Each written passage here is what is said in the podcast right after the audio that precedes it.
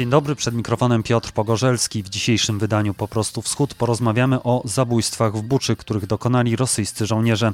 Na wstępie jednak chciałbym tradycyjnie podziękować wszystkim, którzy wspierają mój podcast na zrzutce i Patronite. Dzięki temu mogę na bieżąco informować o tym, co dzieje się na wschodzie, nie tylko tutaj, ale też na Facebooku, Instagramie i Twitterze. Zachęcam do śledzenia moich profili społecznościowych. Nam nie. Своїх мрій, як того хочуть, і пам'ятай, що неможливого немає, бо крім тебе самого ніхто тебе не знає. Спину тримай, коли боляче стріляють, ті, хто зовсім не з нами, а гадають, що все знають, не зволікай. Час для того, щоб літати, а за правду свободу Dziś moim gościem jest profesor Uniwersytetu Warszawskiego Lech Nijakowski, który naukowo zajmuje się ludobójstwem i socjologią konfliktu. Dzień dobry. Dzień dobry. Niemal cały świat jest wstrząśnięty wydarzeniami w Buczy, zdjęciami ciał zabitych cywili na ulicach, zbiorowych grobów. Rosyjska agresja trwa już 42 dni. Czy pan był zaskoczony tymi wydarzeniami? To znaczy, czy dotychczasowy przebieg konfliktu dawał nam jakieś przesłanki do tego, żeby przewidzieć właśnie, że dojdzie do takich aktów? Znaczy, jestem zaskoczony, jak pewnie wiele osób, co widać po zmianie nastawienia przywódców światowych, e, czyli przywódców najważniejszych państw. E, No i chyba nikt nie spodziewał się, żeby Rosjanie, obywatele Federacji Rosyjskiej, założyli sobie na szyję no, sznur bo w tym momencie wszyscy celują w Federację Rosyjską i robiąc co zrobili, no już pomijając kwestie moralne, to, że ucierpieli ludzie, to oni po prostu no, wystawili sobie świadectwo na wieki. Czy my możemy powiedzieć, jakie ci żołnierze mieli motywacje? Na pewno fakt, że to byli żołnierze w czasie wojny jest niezwykle ważny. Znaczy ja nie prowadziłem badań, nikt nie prowadził badań żołnierzy Federacji Rosyjskiej, którzy prowadzili wojnę. Natomiast każda wojna, nawet bardzo krótka wojna, ona zmienia postawy ludzi. Ludzie po prostu, no, mówiąc bardzo obrazowo, e, dziczeją, zaczynają odczuwać emocje, których wcześniej nie odczuwali, e, zaczynają chcieć e, no, karać swoich wrogów. I myślę, że to wystąpiło też tutaj. No ale w tym wszystkim są potrzebne różne uwarunkowania strukturalne i myślę, że one wystąpiły. To znaczy to przyzwolenie, nawet, nawet jeśli nie było zbrodniczych rozkazów, bo nie wiemy, w tym momencie nie wiemy, to fakt, że dostali przyzwolenie, że dowódcy odwracali wzrok, że politycy odwracali wzrok, to stworzyło no, swoje możliwości, w których tak się zachowywali. Czy tutaj jakąś rolę mógł na przykład odegrać alkohol, ponieważ y, dość dużo się mówi o no, pewnej degradacji żołnierzy, którzy teraz walczą właśnie w Ukrainie? Zawsze alkohol odgrywa taką rolę i zawsze odgrywał taką rolę. No ja nie wiem, tak, jak wyglądało. Nie sądzę, żeby ci żołnierze byli trzeźwi, no ale ja nie mam danych naukowych, które to potwierdzają lub obalają. Natomiast najgorsze jest chyba to, że ci ludzie zrobiliby to, co robią, także bez alkoholu. I z tego punktu widzenia to jest najbardziej szokujące, że żeby z ludzi zrobić bestialskich morderców, nie trzeba ich poić alkoholem. Oni są w inny sposób formatowani, oni w inny sposób są przygotowywani do tego, żeby nienawidzić swoich wrogów, żeby zachowywać się, no, mówi się potocznie jak zwierzęta, ale zwierzęta się tak nie, nie zachowują. Więc z tego punktu widzenia inne procesy odegrały kluczową rolę. Ja bym tego nie zrzucał na alkohol, nie zrzucałbym na jakieś no, patologie osobowości. Nie wiem, że na przykład to byli sadyści. Najgorsze jest to, że zwykli ludzie, tak zwani zwykli ludzie, którzy no, spełniają wszystkie testy inteligencji, osobowości i tak dalej, oni się mogą w sytuacji wojennej zachować tak beznadziejnie. Czy ta uwaga dotyczy tylko rosyjskiej armii, czy to dotyczy właściwie wszystkich konfliktów i wszystkich armii? Dotyczy wszystkich armii, niestety. I w tym momencie no, nie byłbym sobą, gdybym nie powiedział na przykład o Amerykanach. To dzisiaj by trochę jak symetryzm brzmiało, no ale przypomnę jeden przykład, wojna wietnamska no, były udokumentowane postępowania sądowymi, tak, postępowaniami sądowymi, sądowymi masakry, w których brali udział tak zwani normalni Amerykanie, a gdy doszło do patologicznej sytuacji, oni zabijali zwykłych Wietnamczyków, Wietnamczyków bez broni, no i do takich masakr dochodziło. Każda armia e, jest w stanie dopuścić się zbrodni i to nie jest e, koniecznie negatywny rozkaz, rozkaz dowódców, choć czasami to jest rozkaz dowódców, ale warunki, których ci ludzie muszą działać, są tak patologiczne, że oni mogą się zamienić w sadystycznych okrutników. Z tym, że tutaj pan powiedział o procesach sądowych. O ile się nie mylę, w Rosji tego rodzaju zachowania, bo mieliśmy też na przykład Czeczenię, prawda, gdzie też bardzo dużo mówiono o łamaniu praw człowieka, czy o ludobójstwie, czy nie wiem, o zrównaniu z ziemią na przykład Groznego, czy później w Syrii Aleppo i no nie słyszeliśmy o procesach sądowych, które by tych ludzi karały. No tak, ja zresztą sądzę, że procesy sądowe, one często są robione, jak to się mówi, pod publiczkę. One mają zaspokoić pewne no, uczucia ludzi. E, I to było widać choćby po działaniu różnych międzynarodowych trybunałów karnych, no, kiedy ich osiągi nie były imponujące. E, no ale na przykład działania trybunałów ad hoc, w sprawie byłej Jugosławii czy w sprawie Rwandy pokazały, że można skazywać ludzi na wyroki. Nie zabijać, skazywać na wyroki. Mi to wystarczy. E, I ten negatywny wyrok, wyrok wydany na daną osobę jest dostatecznie dolegliwy, że może pełnić, jak to mówią prawnicy, no, funkcję prewencji ogólnej. Natomiast Rosjanie, znaczy obywatele Federacji Rosyjskiej, mówiąc fachowo, no, na różne sposoby unikali tego i unikali wcześniej, tak jako obywatele no jeszcze Związku Radzieckiego, unikają teraz jako obywatele Federacji Rosyjskiej, co wynika oczywiście z pewnej postawy, pewnego chronienia armii. To także było związane z tego, z tym, że no cóż, Federacja Rosyjska wystąpiła z różnych międzynarodowych zobowiązań, ale w tym sensie można mówić o jakimś stylu, E, natomiast wszystkie państwa narodowe starają się nie przekraczać pewnej granicy, bo to jest kwestia obronności. Nawet Amerykanie, my mówimy, że to jest największa demokracja liberalna, już pomijam, czy to prawda, czy nie. No ale z tego punktu widzenia e, Amerykanie także nie karali za wszystko. Oni pewne procesy prowadzili, chwała im za to, ale w innych, no cóż, realizm polityczny odgrywał kluczową rolę. I to widać wszędzie. Czyli takie zachowanie władz rosyjskich, jak zaprzeczanie, mówienie, że to jest inscenizacja, to jest typowe w przypadku właśnie tego rodzaju zbrodni popełnianych przez armię konkretnego kraju, to znaczy zaprzeczenie. Przy czym no, oczywiście chodzi o skalę, to znaczy to nie jest sytuacja zero-jedynkowa. To nie jest tak, że nie wiem, Rosjanie są, czy obywatele Federacji Rosyjskiej, mówiąc fachowo, to jest wiele narodowości, także jest wiele, feder- wiele narodowości na Ukrainie, tak, więc raczej o obywatelach Ukrainy należy mówić e, różnej narodowości. No ale wracając do tematu, Chodzi o, no to jest pewne kontinuum, o skalę, to nie jest sytuacja zero-jedynkowa. Więc to, że Amerykanie byli w stanie karać własnych żołnierzy, chwała im za to. To świadczy o pewnej dojrzałości, o tym, że oni no, przekroczyli pewną granicę. To, że y, władze Federacji Rosyjskiej nie były w stanie karać własnych żołnierzy, to świadczy o pewnej niedojrzałości, o tym, że oni no, także nie przygotowali kolejnych roczników do tego, no, żeby pewnych rzeczy nie robić, bo to jest pewne szkolenie, nieustanne szkolenie. Trzeba ludzi przygotowywać, żołnierzy trzeba przygotowywać do tego, że państwo ich ukaże za zbrodnie. Bo żołnierze sobie mówią, że oni bronią ojczyzny, oni postępują słusznie, e, no nawet mówią to o okrucieństwach. Ja wiem, że to brzmi strasznie, ale tak jest.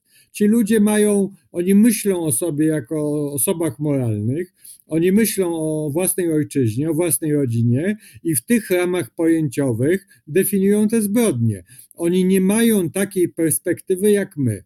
Więc są państwa, które zdobyły się na karanie, na przykład Stany Zjednoczone, i są państwa, które się nie zdobyły na karanie własnych żołnierzy, na przykład Federacja Rosyjska. I w tym sensie można potępiać Federację Rosyjską za to, że takich procesów nie prowadziła. Czy to, z czym mamy do czynienia teraz, jeśli chodzi o rosyjską propagandę, to znaczy mówienie coraz częściej o wszystkich Ukraińcach jako o neonazistach, kiedy ta inwazja się zaczęła, mówiono o tym, że są naziści, którzy kontrolują naród ukraiński. Teraz y, doszło do pewnej takiej zmiany, to znaczy coraz częściej się uogólnia czy tego rodzaju przekaz propagandowy może sprzyjać właśnie takim tego rodzaju zachowaniom? Oczywiście może sprzyjać. Y, no powiedzmy wyraźnie, że ten dyskurs ideologicznie jest głupi, bzdurny, tak? Każdy, kto ma jakąś wiedzę o historii, o narodzie ukraińskim, takich rzeczy by nie mówił. Natomiast no, oczywiście można się doszukiwać, ja na przykład jako analityk dyskursu to robię, korzeni tego dyskursu. No i w tym sensie tak, no nie wiem, obecność i pochwała oddziałów UPA na zachodniej Ukrainie była jakąś przesłanką, która służyła tej opowieści o Ukraińcach faszystach. To jest bzdura, raz jeszcze powiedzmy.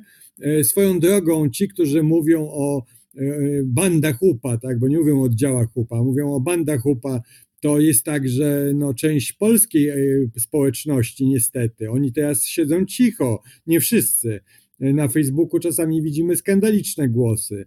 No ale z tego punktu widzenia oni też myślę, że raczej prędzej niż później będą głośno krzyczeli, że no nie wiem, na przykład kosztuje nas e, utrzymywanie Ukraińców, a po co my to robimy? Przecież Wołyń pamiętamy, Wołyń 43. Oczywiście nic nie pamiętają, Powiem, obawiam się, że nawet by na mapie nie wskazali, gdzie ten Wołyń historyczny leżał, no ale to zostawmy. Z tego punktu widzenia każde przestępstwo, nie tylko ludobójstwo, każde przestępstwo, także zbrodnie wojenne, zbrodnie przeciwko ludzkości, no my nie jesteśmy tutaj e, w tej dyskusji prawnikami. Ja jestem socjologiem, my nie używamy e, kwalifikacji prawniczych, więc co innego dyskurs prawny, co innego dyskurs nauk społecznych ale z tego punktu widzenia to zawsze jest zbrodnia e, nacechowana ideologicznie.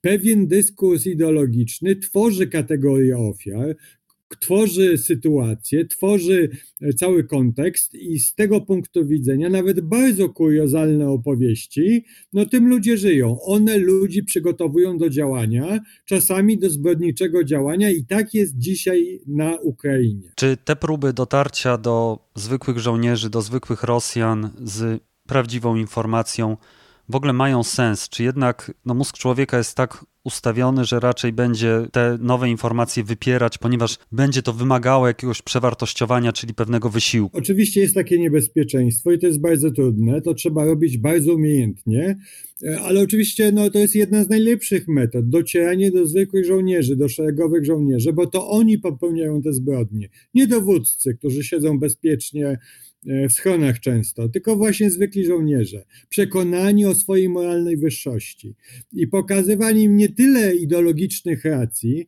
co że zwykli ludzie cierpią, że tutaj następuje jakieś wyłączenie z uniwersum moralnych zobowiązań, że to są tacy ludzie jak my. To wszystko ma znaczenie, ale to trzeba robić umiejętnie, bo jak słusznie pan powiedział, no w takiej sytuacji wojennej są uruchomione niezwykle silne procesy zmiany e, sytuacji poznawczej, kiedy po prostu inaczej ludzie myślą i można się przez to przebić, można uruchomić pewne procesy poznawcze, ale to jest niezwykle trudne. Więc pokazywanie, że na przykład zabijamy matkę, zabijamy ojca, zabijamy dziecko, to już jest coś, co uruchamia pewną empatię, no a człowiek jest zwierzęciem empatycznym. No ja wiem, że to nie widać teraz na Ukrainie, ale można próbować na tym budować jakiś przekaz. Tylko, że ci żołnierze operują w przestrzeni nawet takiej architektonicznej, pewnej zwyczajowej zachowań postradzieckiej. Jeżeli się na przykład spojrzy na zdjęcia Mariupola sprzed wojny, to można go równie dobrze pomylić z jakimś innym blokowiskiem y, w Rosji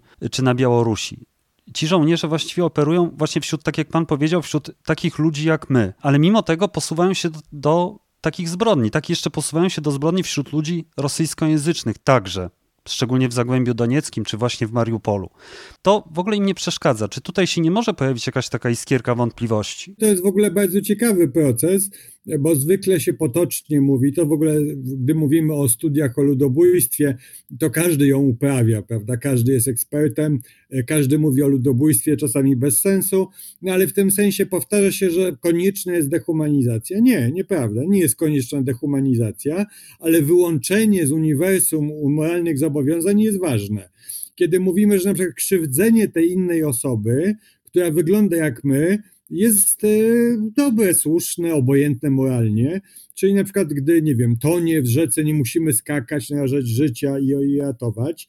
E, więc to wyłączenie z moralnych, e, z uniwersum moralnych zobowiązań się dokonało, no i ono skutkuje takimi aktami. I bez wątpienia tych żołnierzy, żołnierzy Federacji Rosyjskiej, różnych narodowości, to nie są tylko Rosjanie, przygotowano do tego, żeby oni krzywdzili innych ludzi ale to nie są w ich pojmowaniu inni ludzie. Dla nas to są ludzie, dla nich to są wrogowie. To jest na przykład ludność cywilna, która chwyciła za broń, która się buntuje, która nie chce zgodzić się z naszymi racjami. I tak przedstawiają im sytuację dowódcy, przywódcy polityczni. I musimy pamiętać, że ci ludzie prawdopodobnie oni w ogóle za wiele lat umrą przekonani o swojej moralnej wyższości. Więc ten, e, to zjawisko takiego nieprzebijania się przez jakiś pancerz umysłowych e, jakichś skojarzeń występuje. Występuje w każdej zbrodni. I czasami trudno jest to, żeby zmusić sprawcę do tego, żeby powiedział: Tak, jestem winny. Nie, oni najczęściej powiedzą, że nie są winni. Więc ta strategia, o której Pan powiedział, pokazywanie, że to są zwykli ludzie, uruchamiania tej empatii, to jest bardzo skuteczna strategia. Oczywiście ona wszystkiego nie załatwi. No toczy się wojna, E, I w tym sensie no, inna logika musi obowiązywać w czasie wojny niż w czasie pokoju. Także to widać no, w takich tragicznych e, e, rzeczach jak masakry, pogromy, zabijanie wrogów. Ja tak się zastanawiam, czy tutaj nie odgrywa roli też to, że Ukraińcy w oczach wielu Rosjan są zdrajcami, zdrajcami wspólnej radzieckiej przeszłości, zdrajcami wielkiego zwycięstwa, tego, że oni już mają inną wizję historii, to jakby już pogarsza samo stanowisko tak, Ukraińców. To znaczy, że to są niby ludzie tacy jak my, ale jednak zdrajcy to jest chyba coś gorszego niż, niż wróg, bo to jest ktoś z nas, tak, z naszej grupy, kto zdradził. Ja się zgadzam, tu zresztą no, bliskość języka jest bardzo ważna, prawda, także wobec polskiego języka, więc z tego punktu widzenia e, to ma znaczenie. Ale e, pamiętajmy, że tu się uruchamiają procesy myślowe, dyskurs ideologiczny, który czasami nas no, szokuje, e, bo czasami sprawcy sądzą, że to jest w ogóle wina ofiar, oni tak mówią mówią wprost, że to jest wina ofiar.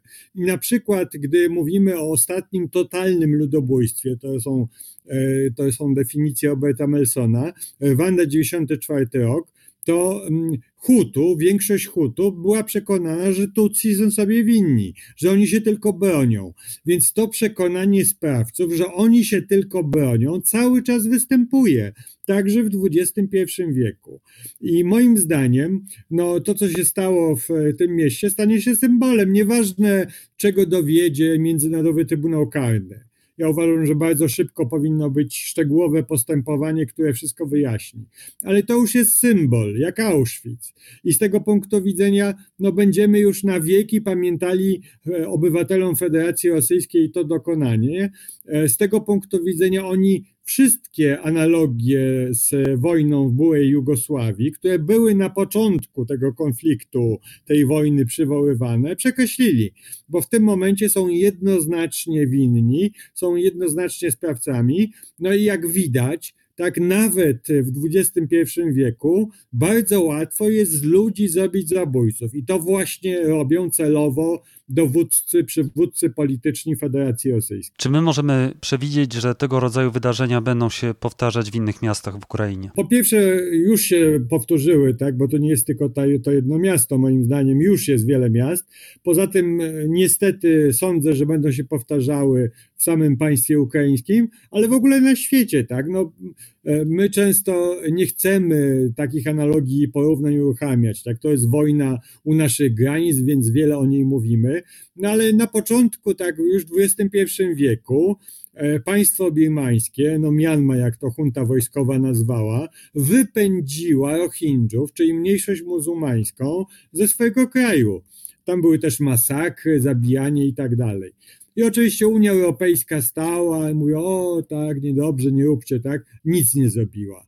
Więc z tego punktu widzenia to się na całym świecie powtarza i niestety ja jestem pesymistą. Uważam, że nie tylko będzie dochodziło do takich wydarzeń e, no, na Ukrainie i tutaj, e, czy w Ukrainie, tak zmieniając odmianę, w Ukrainie i z tego punktu widzenia e, no, może będą zakładali białe rękawiczki, może będą starali się ukrywać ciała, ale jednak będą mordowali ale i na całym świecie do tego będzie dochodziło, bo taka jest logika realpolitik. Ona się nie zmieniła. Niestety ona się nie zmieniła. Wobec takiej rzeczywistości musimy się jako obywatele opowiedzieć. Ukraińskie władze już mówią, że następne takie przypadki prawdopodobnie miały miejsce w Borodziance pod Kijowem, w Mariupolu, więc rzeczywiście ta perspektywa jest dość smutna.